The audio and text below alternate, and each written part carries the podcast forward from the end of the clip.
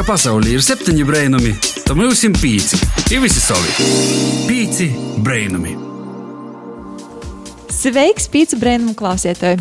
Ir mazliet pori 16.00. I tu šobrīd esi uz viņa viļņa, jeb frekvences kopā ar diviem latgalīšiem, Joņu Pampi un DJ Dēlu, jeb eh, Daigu, mani, raidījumā pīcis brīnumi. Jā, raidam tev daļēji. Daļēji no Latvijas radio Latvijas studijas un daļēji no sātas, kur dzīvoja Dēla. Turpmāko stundas laikā runāsim ar tevi latviešu par mūžiem un jauniešiem aktuālam tēmam Latvijā un Tolkien vīnu. Bet galvenais, kā jau novembra mēnesī, par drošību. Tieši tā. E, šodien ir 21. novembris, bet, ja gadījumā tu klausīsies mūsu naktī vai kādā citā dīnā, agrinu reita, tad, nu, vienalga, kāds datums galvenais atrodi mūsu podkāstā vai arhīvā. I baudi klausīšanos. Jā, nu tādiem mums tas formāts ir maz drusciņš savaidoks. Ir napīrosti, ka uh, mana partnere dēlā ir tik toļi, kaut kur toļi pa garu zoli, kaut kur dziļi datorā. Bet, uh, nu jā, Reigā īstenībā. jā, patiesībā ļoti, ļoti napīrostai, bet, nu, katram pīno kaut kāda pirmo reize. Un, protams, visi zinām, valsts svētki ir pagojuši, un tādien soksīs mūsu jingle bell, jingle bell, Ziemassvētku trokums. Dēlā tāds jautājums, vai tev jau Ziemassvētku dāvanas tika godotas? Es šogad nolēmu, ka īstenībā jau divus vai trīs gadus daru tā pēc kārtas, ka es dāvanoju dāvanas cilvēkiem, kuriem nav izpējas izagodoties, piemēram, nu jā, labdarībai vai bērniem vai vecam cilvēkiem. E, mums ir nūrana ģimeņā, ka mēs vienkārši tikamies uz svētku pušdīņiem vai vakariņiem, dāvanas nedāvanojam viens otram, bet gan nūs, nosūtam kaidam, kuram tas ir vairāk vajadzīgs. Jā, iepriekšējos raidījumos arī piesakoram drošības tēmai, protams, par kiberdrošību, kas ir ļoti aktuāla tādā internetu laikmetā. Pie iepriekšējā raidījumā mums bija arī nu, robežsardzes pūrstovi, bet kas būs šodien, to jūs uzzināsiet maz drusciņu vēlāk. Tam ir laiks raidījuma pirmajai rubrikai, Pīci brīnumi vaicoja atbildis, kuru mums ir sagatavojusi Rudīte Gaidule, kas vaicos uzzinos, kā palīdzēt cilvēkiem, ja ir notikusi kāda nelaime um, kā sniegt pirmo palīdzību, ko darīt, kam galvenais ir zvanīt. Un uh, par to vairāk, jā, rubrikā klausamies. Pīci brainami meklē atbildi. Pasaulē mani sauc Rudīta Gaidaļa. Vai tev ir gadījis saskarties ar situāciju, kur bija vajadzība sniegt pirmo neatliekamo palīdzību? Par laimi manā dzīvē nebija tādas situācijas. Man ir nocis saskarties ar situāciju, kurā ir nepieciešams sniegt pirmo palīdzību. Piemēram, man ir nocis saskarties ar bērniem, kuri pazūd sabiedriskos vītos. Es esmu redzējis cilvēkus, sevišķi zīmē, kuriem mācās palikt švaki iz ielas, Es esmu kļuvusi par līdzīgu arī autoavarijam, pēc kuram iespējams cilvēkiem ir vajadzīga pirmo medicīnisko palīdzību. Kas ir pirmais, kas jādara, ja redzi kādu nelaimē?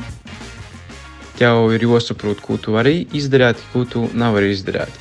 I pirmkārt, es domāju, ka jāizsauc otrā palīdzība, I, i tikai vēlāk tev jāapsver, ko tu vari, kādas rīcības veikt, lai tam cilvēkam palīdzētu, bet tā, lai tas neapdraudētu tavu drošību. Ja cilvēkam ir kādas veselības problēmas, pirmais būtu pīt, klot, nu, pīskrīt un pajautāt, vai ir kaut kas noticis. Nu, vai cilvēks reaģē vai nereaģē. Un, protams, tad jau sekojušas situācijā palīdzību sniegt, izsaukt palīdzību otru mediķus un tādā gorā. Ja redzu cilvēku nelaimību, manuprāt, pirmam kārtam ir jāapsajautajās, kas ir noticis. Ir uh, arī pašam jādomā, kādā veidā tu viņam vari palīdzēt. Vai ir jāsauc ugunsdzēsēji, otro palīdzību, vai policijā, vai palīdzēt var arī patstāvīgi. Piemēram, pazudušam cilvēkam palīdzot atrast ceļu. Vai tavuprāt, katram cilvēkam ir pienākums zināt pirmos palīdzības likumus? Kā rīkoties ārkārtas situācijos, ja kā tu domā, no kāda vecuma tu būtu ieteicams zināt? Visādas nelaimes, diemžēl, notiek tādos situācijos, kuros mēs varam negaidīt to. Tāpēc es uzskatu, ka ir svarīgi arī maziem bērniem mocīt, kā palīdzēt saviem tuviniekiem, kad ar tīm notiek kāda nelaime. Manuprāt, katram cilvēkam pienākas zināt par pirmo un atlikumu palīdzību.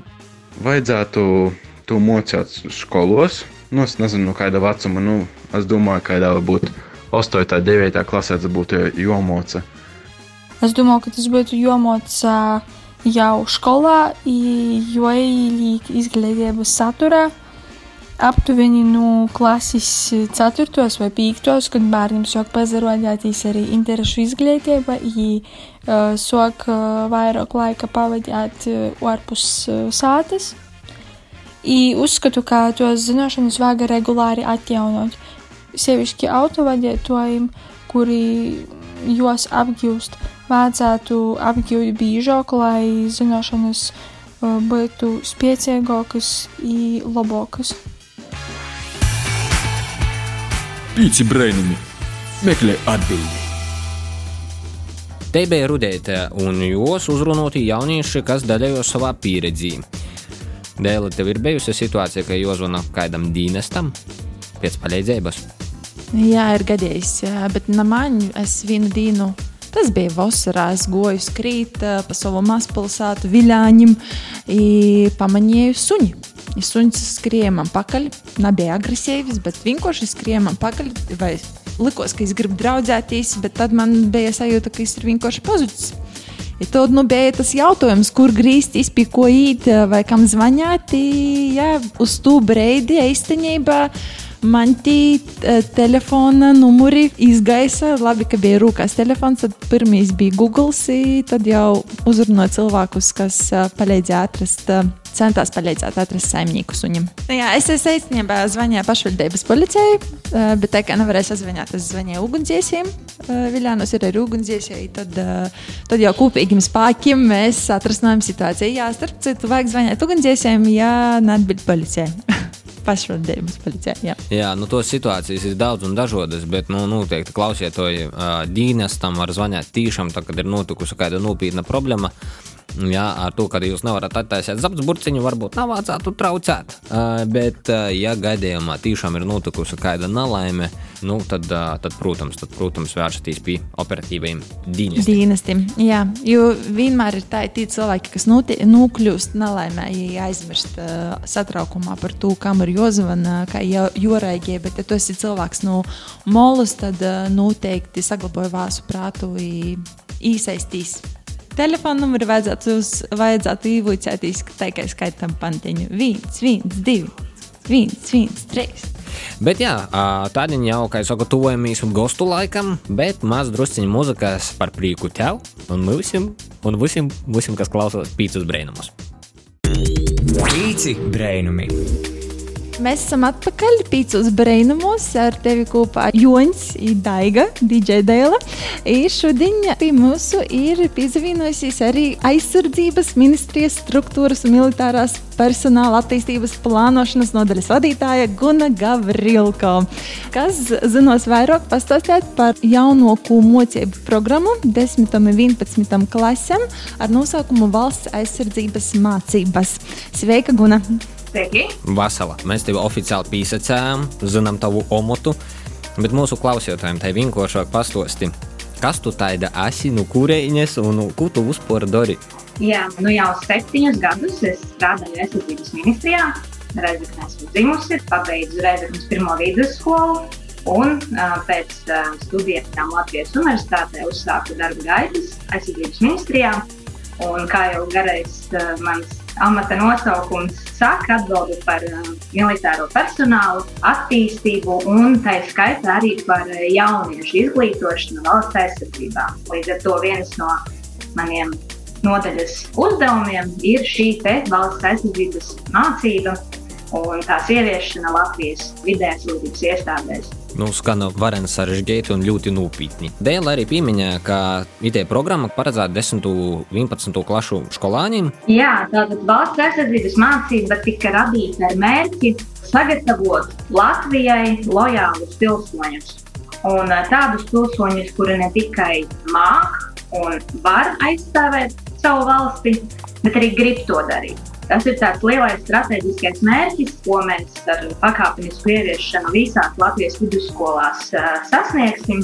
Un, kā jūs teicāt, tas ir 10. un 11. klasē mācību priekšmets, kurš balstās uz kopumā trim blokiem - pilsoniskās līdzdalības bloks, kurā jauniešiem tiek mācīts par demokrātiju, tiesiskumu, par, par principiem, kā ir uzbūvēta valsts cik svarīgi valstī ir piemēram pilsoniskā politiskā līdzdalība.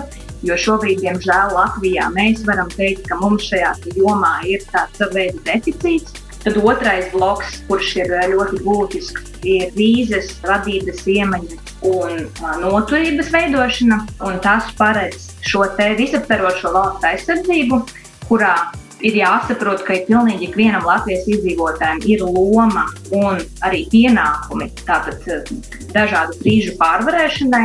Un par to, ka nu, ir šīs gan individuālās atbildības, gan kolektīvās atbildības par to, lai valsts, nu, ja pienāk tāds brīdis, arī kā tagad mēs redzam, mums ir epidemioloģiskā krīze lai pilsoņi zinātu, kā uzvesties šādos gadījumos, nekristu panikā, zinātu, kā rīkoties, kā pasargāt savas ģimenes un tādā veidā šo krīzi ātrāk pārvarētu. Un trešais bloks, kuru mēs mācām, ir šīs militārās prasmes un iemaņas, caur kurām jauniešiem tiek mācītas dažādas tās tautas militārās zināšanas, bet tās īstenībā ir zināšanas, kuras būtu jāzina pilnīgi katram iedzīvotājam kā piemēram orientēšanās, strādāšana ar, ar karti, pirmā palīdzība, droša apiešanās ar, ar ieročiem. Visiem šiem trim blokiem cauri ir kritiskā domāšana, kas ir ļoti, ļoti svarīga mūsdienās. Mēs redzam, ka šobrīd gan sociālajos medijos, gan publiskajā telpā to mums ir ļoti liela izaicinājuma. Tiek pasniegtas dažāda veida patiesības, un cilvēkiem rodas dažāda veida jautājumi, cilvēki apšauba dažādas lietas. Un tad kritiskā domāšana ir tas, ko mēs uzskatām par tiešām izšķirošu arī drošības aspektā.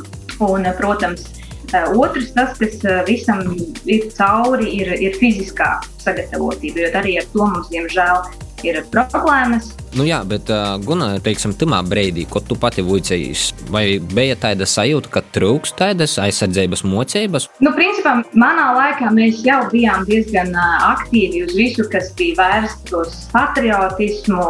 Skola viennozīmīgi pielika ļoti daudz pūļu tajā, lai mēs iesaistītos pašpārvaldēs, pilsētas dzīvēm Bet tā, kas varbūt eh, līdz šim ir pietrūcis izglītības sistēmā un ko vajadzētu tieši šī runāšana par dažādu veidu krīzēm, uzvedība krīžu laikā un šī noturības veidošanā. Mums ļoti maz līdz šim ir bijusi iespēja aizdomāties par to, ko es darīšu, ja notiks ekstraordināri apstākļi.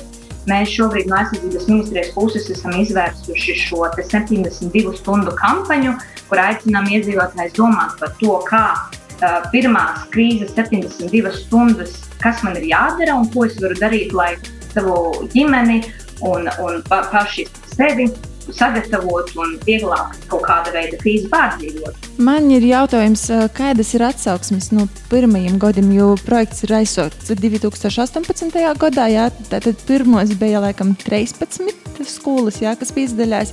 Jā, tās pirmās 13 skolas, starp citu, no Latvijas skolām, pirmajās pilotu skolās jau mums bija iesaistīta Pilžas vidusskola, Bala profesionālā un Daugavpils vidusskola. Pašlaik mēs esam ļoti gandarīti par to, kā šis projekts veicis, ja mēs sākām ar šīm 13 skolām 18. gadā. Tad šodien mums ir jau 69 skolas un gandrīz 2000 jauniešu. Un mums eh, regulāri notiek tikšanās ar skolām, skolotājiem. Piemēram, Dāngopils skola informēja mūs, ka šai valsts aizsardzības mācībai ir tik laba reputācija, ka citi bērni no citām skolām ir pārnākuši uz konkrēto skolu, kur pasniedz valsts aizsardzības mācību, jo tikai 2024. gadā šis mācību priekšmets būs visās Latvijas vidusskolās. Un uh, vēl nepieskārāmies, bet um, vasarās pēc 10. un 11. klases brīvprātīgi tiek organizētas vasaras nometnes. Viņiem tās ir 11 dienas no vasaras, kuras viņi var pavadīt ļoti liederīgi, iemācīties ko tādu, kas viņiem noderēs visai dzīvei.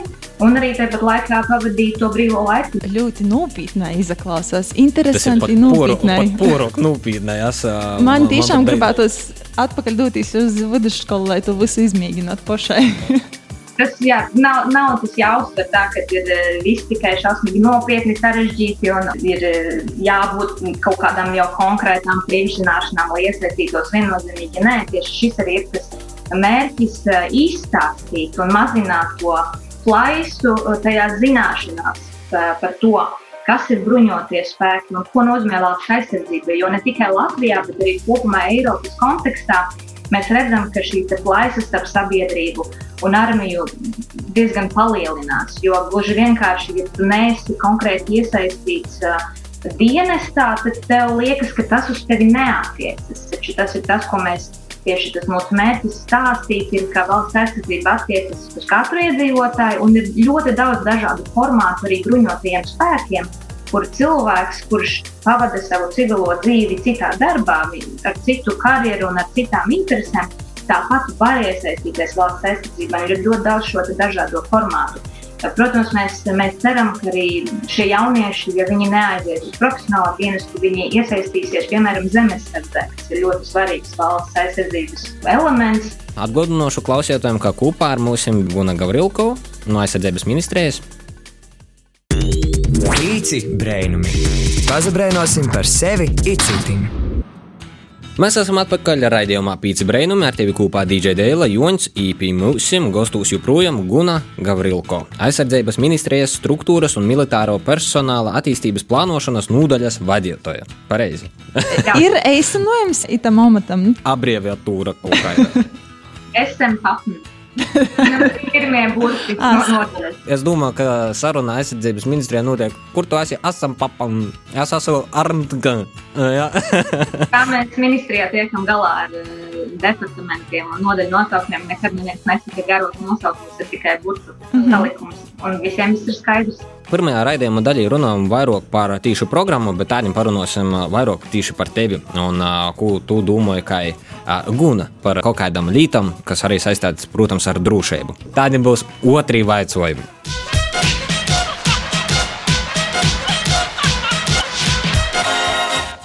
Pavasars vai rudens? Pavasars. Kleita vai uniforma? Uniforma. Suns vai kaķis? Suns. Visdrošākā vieta ir mājas. Trīs lietas, kas tevi raksturoja. Drosme, mērķtiecība, iniciatīva. Darbs attālināti vai darbs kabinetā? Darbs attālināti. O, oh, jā. Trīs lietas tavā skapētī. Portatīvais dators, tējas krūze un roku krāns. Orientēšanos mežā vai manikīra apmeklējums? Orientēšanās mežā. Patriotisms ir cieņa, lojalitāte un spēks. Melodijas iediņš. Kartupeļi ar biezpienu. Komēdija vai asa sižeta filma? Komēdija. Lai justos drošai, vajag drosmi. Hmm. Drošība ir pirmajā vietā, bet kas ir otrajā?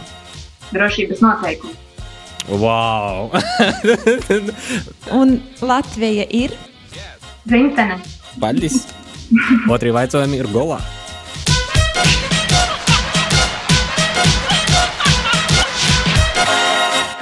Listening. Kā tu pati nonāci tieši pie militāros jomas? Jā, nu, principā jau vidusskolā es sapratu, ka es gribu studēt politoloģiju. Paldies manai latviešu valodas un literatūras skolotājai par to, ka raisīja interesi par dažādu eseju, domārakstu rakstīšanu, kas ļāva attīstīt šo izpaušanās mākslu, izteikt savas domas, analizēt, vērtēt, spriest par to. Bet es vēl toreiz nedomāju, ka aizsardzība vai drošība ir kaut kas, ko es varēšu darīt arī profesionāli. Un uh, tieši uz aizsardzību vairāk es notliecos, kad es pēc pirmā kursa universitātē aizbraucu uz Ameriku, apmaiņas programmā uz gadu un nonācu ģimenē, kur um, attiecīgi vecāki bija iesaistīti aizsardzības nozarē. Un uh, man ļoti, ļoti uzrunāja tie stāsti un viņu pieredzes. Un caur šīm diskusijām man sāka raisīties interese tieši par aizsardzību un to, ko vispār nozīmē nacionālā drošība. Un uz kā pasaule un valstis arī nu, faktiski ir uzbūvētas. Un atbraucot no Amerikas, es uzreiz jau mērķiecīgi aizgāju uz praksi aizsardzības ministrijā. Un tur arī bija tā skaidrība, ka tieši šis ir tas, ko es arī gribu darīt. Nu, paldies amerikāņiem, jo saka, tā mums ir ļoti zinošs cilvēks, kas spēj tādiem apvicēt jaunus cilvēkus, radot tādu foršu aizsardzības mocību programmu. Jā, bieži vien ir tā, kad aizbrauc tādā apmaiņas programmā, tad ir tādi cilvēki, kas grib tur palikt arī. Kā bija ar tevi, vai tev bija sapnis par Ameriku? Nē, nē, nē man tieši es esmu kopumā dzīvojusi trijās valstīs, un pilnīgi vienmēr man tieši būšana projām tā tālu. Nedzīvojot, nedzīvojot Latvijā, man vienmēr, kad katru reizi ir nākusi lielāka un lielāka pārliecība, ka pilnīgi nekur citur es negribu dzīvot, un es arī nekad nevarēšu. Un uh, obligāti gribu teikt, ka jauniešiem vajag braukt prom uz citām valstīm, padzīvot, mazliet iepazīt citas kultūras un iegūt pieredzi. Jo Latvijā dzīvojot, tu nevari teiksim, iegūt to visaptvarošo skatījumu par to, kāda ir pasaule un cik interesanti ir dzīve, bet viennozīmīgi vajag uzkrāt to pieredzi un tad atgriezties un viņu tālāk attīstīt Latvijā un tās idejas uh, īstenot tieši Latvijā. Un uh, to es noteikti visiem jauniešiem iesaku, cik daudz mūsdienās programmu un dažādu projektu, kur var aizbraukt brīvprātīgā darbā, Erasmusā strādāt, vai mācīties, un to noteikti vajag izmantot. Bet, jā, nu, tad ar to pasaules pieredzi ir eh, vislabāk atgriezties Latvijā. Un man bija tieši tāpat, ka man viennozīmīgi nebija nevienā brīdī vēlme palikt, jo es gluži vienkārši nejūtos piederīga tajās valstīs. Man ne, neizveidojās tā saikne ar, citu valsti. Es nekad tās valstis nevarēju just kā savējās. Nu jā, jebkurā gadījumā mums ir prieks, ka tu esi atgriezusies un neesi nekur aizbāgusi. Būtu žēl. Man īstenībā ir jautājums, kādā no intervijām es dzirdēju, ka valsts aizsardzības mācības IT programmā ir pirmā pasaulī, vai tā, tā varētu būt? Par pasauli spriest nevarēšu, negribu samalot. Bet NATO valstīs, jā, tādā veidā, ka tas ir obligāti mācību priekšmets, Latvija viennozīmīgi ir pirmā. Bet jau tagad mēs cenšamies, kad mēs stāstām citām valstīm un, un stāstām to, cik pagaidām veiksmīgi mums iet. Ļoti daudzas lielās arī valstis ir teikušas, ka šī ir ļoti laba ideja, un viņi grasās kaut ko tādu runāt arī, arī savās valstīs. Jo, jo visus uzrunā šī tieši visi saprot, ka jaunās paudzes un jaunieši tā ir izšķirošā šī sabiedrības grupa kas veidos ne tikai Latviju, bet jebkuru valsti. Nākotnē mums kā tā valsts arī no, tā labklājība būs atkarīga no šīs valsts. Veik, nu, neveiksmes, bet noturības un tas, kā valsts attīstīsies. Līdz ar to es esmu arī, piemēram, uzstājusies vienā brītu domnīcā, jo viņi arī tieši gribēja vairāk dzirdēt par to, ko mēs un kā mēs to darām, jo viņiem arī šis projekts priekš apvienotās karalistes likās ļoti interesants. Es ļoti ceru, ka mums izdosies būt pirmajam latviešam kosmosā.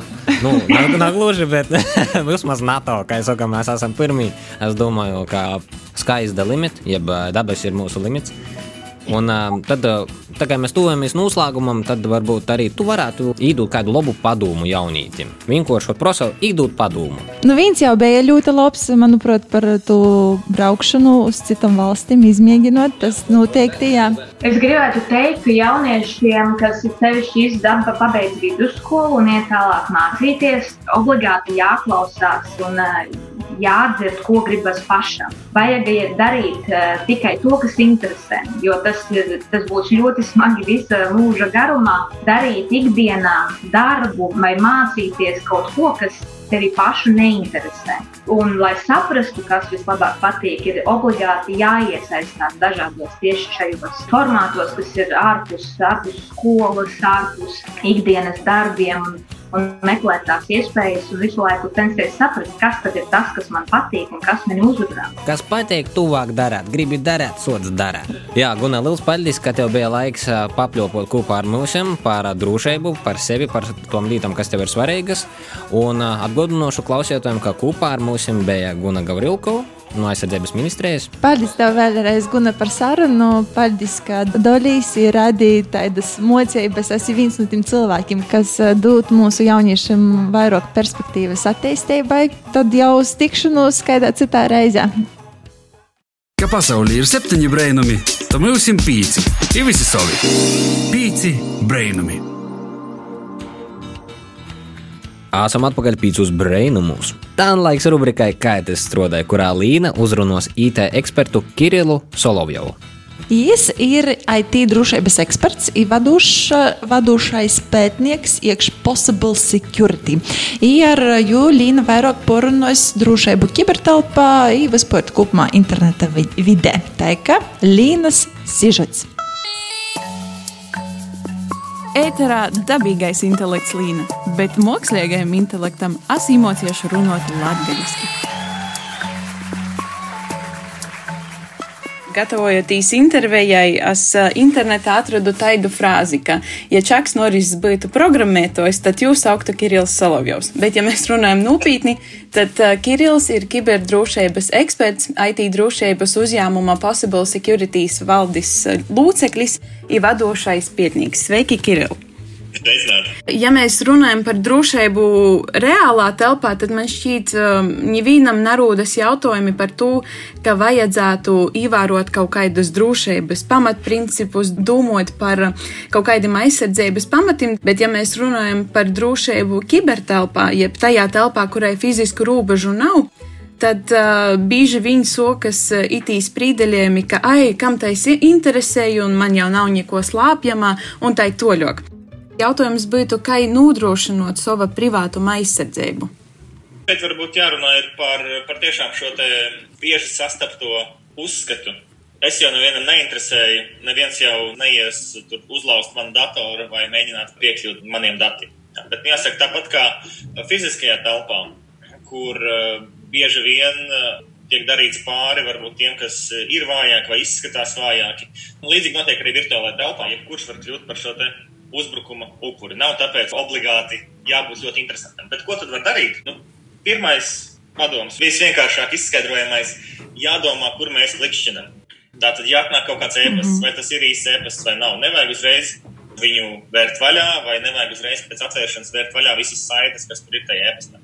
Padomājam, vai tas ir pa īsta. Tāpat arī pašā internetā, esot, teiksim, mobilajā telefonā, pārlūkā, vai lietojot sociālo tīklu, piemēram, TikTok vai eh, WhatsApp sarakstoties pat ar saviem draugiem, um, jāpievērš uzmanība tam, uh, nu, ka tiek sūtīts kaut kādas saites, un vai tā saite ir kontekstā vai nav. Bet, teiksim, draugu lokā uh, nav obligāti jābūt kaut kādai mm, kaut kādam racionālam pamatojumam, kāpēc kāds atsūta kaut kādu saiti. Uh, bet tam ir jābūt kontekstā ar to sarunu vai teiksim, ar to, ar to joku, ar tām tradīcijām, kuras konkrētajā grupā, teiksim, vai individuālajā komunikācijā notiek. Kāpēc vispār ir tāda situācija internetā, ja, ka nevar uzticēties tam, ka ziņa atnāk it kā no drauga? Nu, diemžēl digitālās tehnoloģijas tā ir taisītas, ka daļa no viņām ir samērā vienkārši viltojums. E-pasts, kas atnāk it kā no manis, varētu mierīgi būt izsūtīts no pavisam cita cilvēka, pavisam citā valstī. Līdzīgs efekts panākams arī dažādos sociālajos tīklos. Konti tiek uzlausti, tie paši WhatsApp konti, Facebook konti, ar šādu ķēžu vēstuļu palīdzību. Un tas darbojas tā, ka kāds sākumā šis uzbrucējs nosūta kaut kādiem cilvēkiem ziņas, saka, lūdzu, attaisno vaļā, lūdzu, palaid šo, lūdzu, ierakst savu paroli, kaut ko mēģina dabūt ārā. Un tajā brīdī, kad uzbrucējs ir dabūjis kontroli pār konkrētā cilvēka, piemēram, Facebook kontu, viņš jau viņa vārdā, saprotams, var sūtīt ziņas visiem viņa draugiem un teikt, atkal, lūdzu, palīdzi man, lūdzu, uzspied te, lūdzu, ierakst kodu, lūdzu, pasaki man kaut kādu savu paroli. Un tādā veidā pa ķēdīt iegūt arvien vairāk un vairāk kontu kontroli. Otra lieta uh, ir tāda netipiska, par ko cilvēki neaizdomājas, bet drošības pētnieki visā pasaulē ir viensprātis, ka mūsdienu internetā tā ir lieta, ko vajag paturēt prātā, un tas ir vajag melot par sevi. Tad, ja mēs runājam par kaut kādām lietām, kas nav oficiālas, kas nav kaut kādi banku maksājumi, kas nav sadarbība ar valsti, kas ir vienkārši sociālie tīkli, kas ir čati un tam līdzīgi. Tai aplikācijai nav jāzina obligāti jūsu īstais vārds, jūsu mājas adrese, jūsu personas kods, jūsu dzimums, vecums, dzimšanas diena, mīļākais ēdiens. To, ja viņi to prasa, tad, tad vienkārši tas ko, tas, ko es daru un tas, ko dara daudz cilvēku, kas piedomā par privātumu, viņi izdomā kaut kādus datus sniedot mums. Es gan šeit gan jāpiebilst, ka ļoti svarīgi, protams, ka tas attiecas tikai uz gadījumiem, kur šie dati tiešām nav vajadzīgi. Jā. Nekādā gadījumā nevajadzētu par savu identitāti melot policijai, savai skolai, valsts iestādēm bankām. Jā, tā tad, protams, ir, ir situācijas, kur, kur ir ļoti svarīgi, lai, tā, lai, tā, lai tie dati ir pareizi. Viņi ir redzēts, ka daudzim datoram kamerai priekšā ir uzliktas uzlēmis, arī maņtaida ir, vai taidis uzlēmis kaut ko mums paleic, un ja jā, tad vai telefonim arī taidas būtu vajadzīgas? Jā, par uzlīmēm man ir liels prieks, ka, ka tā jau ir kļuvusi par normu. Mūsdienās eh, man pašam, man pašam uz datora tāda uzlīme ir, ir, es domāju, jau gadus septiņus, bet tagad jaunākajiem portiem datoram es jau, es jau redzu, ka no rūpnīcas jau nāk iespēja aizbīdīt ciet šo te kameru, oh. un daudziem datoru modeļiem tas sāk parādīties. Mm -hmm. Ja jau lielie ražotāji tiešām to iekļās savos produktos, acīm redzot, tam ir kaut kāda nozīme. Un tas dod divas lietas. Viens ir tas, ka, ja gadījumā sliktie hakeri tiks mūsu iekārtā. Viņi to kameru nevarēs ieslēgt, nu ieslēgt varēs, bet neko neredzēs. Otra lieta, un tas ir galvenais iemesls, kāpēc es to lietoju, tas dod tādu psiholoģisku drošību. Un, ziniet, tad vēl mēdz nākt. Es pieņemu, ka klausītāji vismaz daļa ir saņēmuši šos e-pastus, kur tiek teikts, mēs uzfilmējām tevi pie datora, lai mēs šos, šo video nepublicētu. Internetā lūdzu samaksā mums naudu. Tie e-pasti mm. ir pilnīgs viltojums. Viņi nāk regulāri un parasti nonāk spam folderītī bet viņi ir pilnīgs viltojums. Bet, ja cilvēkam kamera vienmēr ir cieta, viņam par tādiem nav jāstraucās. Viņš uzreiz zina, ka tas e-pasts nav patiess, jo viņa kamera ir vaļā tikai tad, kad viņš ir teiksim, video konferencē. Nu, par telefoniem tas ir, tas ir grūts jautājums. Telefoni ir mazāki nekā dators. Ja jums netraucē tas, ka jums ir priekšā aizbīdnīca vai, vai, vai uzlīmīta, un ir arī tādas uzlīmītas, kur ir tie aizbīdi iebūvēti, jūs varat uzlīmēt tā kā tādu slēdzīti, kur var pabīdīt vaļā ciet. Mm -hmm. Ja jums tas netraucē ikdienā telefonu lietot, tad iesaku to darīt, jā, protams. Bet ja tas traucē, tas ir kompromiss. Tāpat, ja jūs tomēr ņemat telefonu līmējat šādu šādu uzlīmi, uh, jums jāpārliecinās, ka jūs neaizlīmējat vēl kādu citu sensoru. Parasti blakus kamerai tur ir vēl kaut kas svarīgs, lai telefons pareizi darbotos. Ja jūs tos aizlīmēsiet, tad, tad varētu būt citas problēmas. Ko es teiktu, ka galvenie um, atziņas punkti ir tas, ka ir jodo, jodomo leidza, kur un kādu informāciju sniegt, uh, jodomoja par to, kādu informāciju mums spīdovoja, un uh, īstenībā drošība internetu vidī nār ko stipri neatšķiras par drošību reālajā pasaulē pasaulī vienkārši jodomai leidza. Ēterā dabīgais intelekts līna, bet mākslīgajam intelektam asimocieši runāt latgadiski. Paldies Līnai par sižetu. Nu, dzīvojamies uh, oplam sarežģītā laikmetā, bet uh, man liekas, ļoti aktuāls kaut kādas vīrusu programmas bija 2000. gadu sākumā. Man liekas, tad, kad katrā sātā jau dators soka pazarodētīs, nu, tas bija normāli, ka bija dators. Un tad bija DC, un tur varēja nu, nu, nulodēt visu, visu ko. Bet arī tagad īstenībā vajag uzmanīties. Īpaši tiem cilvēkiem, kam ir darbs saistīts ar to datoru. Nezinu, dators ir viss vis darbs, viss vis mūžs, visa dzīve. nu jā, tas ir. Man, man liekas, ka tagadējā laikmetā tas ir gluži tāpat kā aizslēgt sātas durvis. Tāpat ieinstalēt kaut kādu antivīrusa programmu. Tas ir tieši tas pats, vienkārši pazarūpēties par savu personīgo drošību. Tā gan maz drusciņa mūzikas mūsu klausītājiem, un jau būsim pavisam drīz atpakaļ. Gestuture, Intel, infrastructure, point, écart, letton, radio, sortilement. Pīci brainami. Čau, pīcis brīnumu klausītāji! Mēs esam atpakaļ. Daiga, Joņš, jeb DJ Dēla, Joņš Pampe. Jā, man, man starp citu vajadzētu izdomāt pseidonīmu. Dārgie draugi, ja jums uh, ir kādas idejas, kāds man varētu būt pseidonīms, es, nu, vienā vārdā, nu, ir DJ Dēla un būtu ne DJs Joņš, bet uh, DJ vai, vai vienkārši, kā mani varētu nosaukt. Droši Facebookā un Instagramā rakstīt savas idejas. Un, uh, varbūt foršoku arī izavīļēšos. Nezinu. Pump it up! Pump it up! Kāda um, dzīsma. Jā. Tagad gan ir pienācis laiks uh, pīcu brainumu pēdējai rubrikai. Kas te notiek? Jā, kas, a, kas notiek? Ot, kas tā var notikt? Par to pastāstīja Samanta Kristiāna Augustava, un, ja ir sazvanījusi aktieri Dāvis Uharevski, kas pirms dažam dienām sajāma Lielu Kristapu 2020 gudolgu, kā labākais aktieris galvenajā plāna lūmā. Arī Fīca Brēnuma komanda vēlas sveikt uh, Dāvi ar sasniegumiem aktieru meistarībā, tādēļ nokušīs sižets no Samantas. Kas tev notiek? Kas, kas, kas tev notiek? Pīci brainami! Sveiks, Dāvi! Ar tevi runāju Samanta Augusta un raidījuma Pīci Brēnuma rubrikas Kas te notiek? Pirmkārt, gribētu uzsākt sarunu ar to, ka apsveikšu tevi ar Lielo Kristapa 2020 balvas īģošanu, kā labākais aktieru darbs galvenajā lomā. Esam lepni par tevi un novēlam arī turpmāk tikpat veiksmīgu attīstību. Paldies, paldies, tieši paldies. Kā tas sajūtas tev porjēma, kad balva bija tavos rūkos? Ļoti labas sajūtas man ir porņēma. Vai tu izkoču ko tādu vēlreiz pazarakstīji, to es domāju filmēšanu? Noteikti. Nu, es es tieši to pašu filmu, tāpēc, ka ja jau ir nofilmēta. Vai tev patika to gada lielo Kristapa ceremonija, kas bija attālināti? Oi, man rodīs bija tieši ļustīgi. Nu, bija tāda ļoti pateikama ceremonija. Vai tu jau esi apredzis ar domu, ka dabūji lielu Kristapu, kā visai jauns, bez aktiera izglītības, un vēl pie tam tāds, kas strādāja ar ķīmiju? Nu, ar tādu domu es, es domāju, ka es esmu apredzis ar to, ka, ka, tā, ka tā ir sagojusies. Es esmu cīši pateicīgs par to. Es nezinu, vai man to ir jopīrund, vai kādam vispār jopīrund, kaut kādam laurim. Rodīs, ka tā nevāk darāt, guļāt, guļāt uz laurim nav, nav laba līta. Kā jau visi zina, filmu nevar uzņemt nedēļas laikā. Vari pastāstīt, cik daudz laika pavadīja filmēšanas laukumā? Nu, 33 dienas. Pilnas vai tai? Vai, vai možda vairāk dažā. Kas tevi motivēja izmēģināt sevi aktiera jūmā? Mani motivēja vēlēšanos izmēģināt sevi aktiera lomā. izmēģināt sevi anša lomā. Vai pirms tam tu biji filmējis kādā kinā, vai vispār bija kāda saistība ar aktieru meistarību? Uh, nā, nu, atskaitot improvizācijas teātri orprots. Nebija nekādas bijis.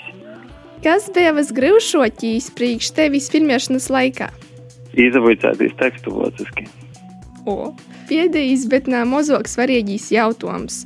Vai tu gribētu nozafilmēties vēl kādā filmā, ja jā, tad kāda žanra? Jā, jebkura žanra, izņemot varbūt stulbas filmas. nu, tad paldies tev par sarunu. Novēlu tu visu labāko, īpaši galvenais stipru veselību. Oi, paldies jums arī visiem klausētājiem stipru veselību, valkājot maskas. Labi, tā, tā. A tā. Kas tev notiek? Kas, kas, kas tev notiek? Kas tev notiek? Pīci brainami! Tas bija samantas sižets. Joņi, pasaki godīgi, vai esi redzējis filmu Pilsēta Pilpis? Godīgi. Jā. Es esmu, es esmu tāds cilvēks, kurš nesekoja baigajām tendencēm, un to, kad būs skrīna, es stovu. Tagad būs īetvērtīs, es nezavērūs. Par to, ka mm, varbūt uh, ir aktuāli nozavērtīs tajā brīdī, bet es neesmu gudīgi nozavērījis kinu. Es esmu redzējis tīzeri, mm -hmm. um, nezinu, kā tas saucas, ace clips, vai kā jau nosaukt latviešu, latgaļiski. Diemžēl neesmu redzējis, bet es domāju, ka tādiem jau vairāk laika jopavada sādā varēs nozavērtīs. Mm -hmm. Un tādiem tu man atbildi gudīgi, vai tu esi redzējusi šo filmu? Īstenībā arī nesu redzējusi, bet es piekrītu. Oh ļoti, God. ļoti gribās, bet um, to brīvo laiku īsti nav. I Pirms tam uh, man arī patīk noķert to sajūtu, kad es tieši gribu redzēt to kino. Piemēram, kā nesen bija Dvēseles Putiņš. Jā, dvēseli puteņus un Ļoti skaisti. Es skatījos, tas bija vien- 11. novembris, jā, kad es nozaskatījos. Man tieši tajā mirklī patika sajūta, ka es to filmu redzu. Tāpat es domāju, pienāks laiks arī pilsētai Pilpis. Noteikti, noteikti nozavieršos, bet kaut nu, laiks Jā, nu, rodās. pilni, pilnīgi noteikti, darbie klausītāji, tādi ir pieejamas filmas dažādos platformos, kur ir latviešu filmas, ārzemju kinas. Tā kā droši varat izapaustīt, un arī varat to atsūtīt mums kādu ieteikumu, ko mums noteikti vajadzētu uzvērtīs. Bet uh, tiešām ir liels prieks par dāvi. Eipaši, ka es ir latgalīts. Molots, molots, mūsu zēns. nu, laikam, tā arī te stundi būs paskriejusi. Jā, stundi tiešām paskrēja vietas porņiem un uh, dorgi.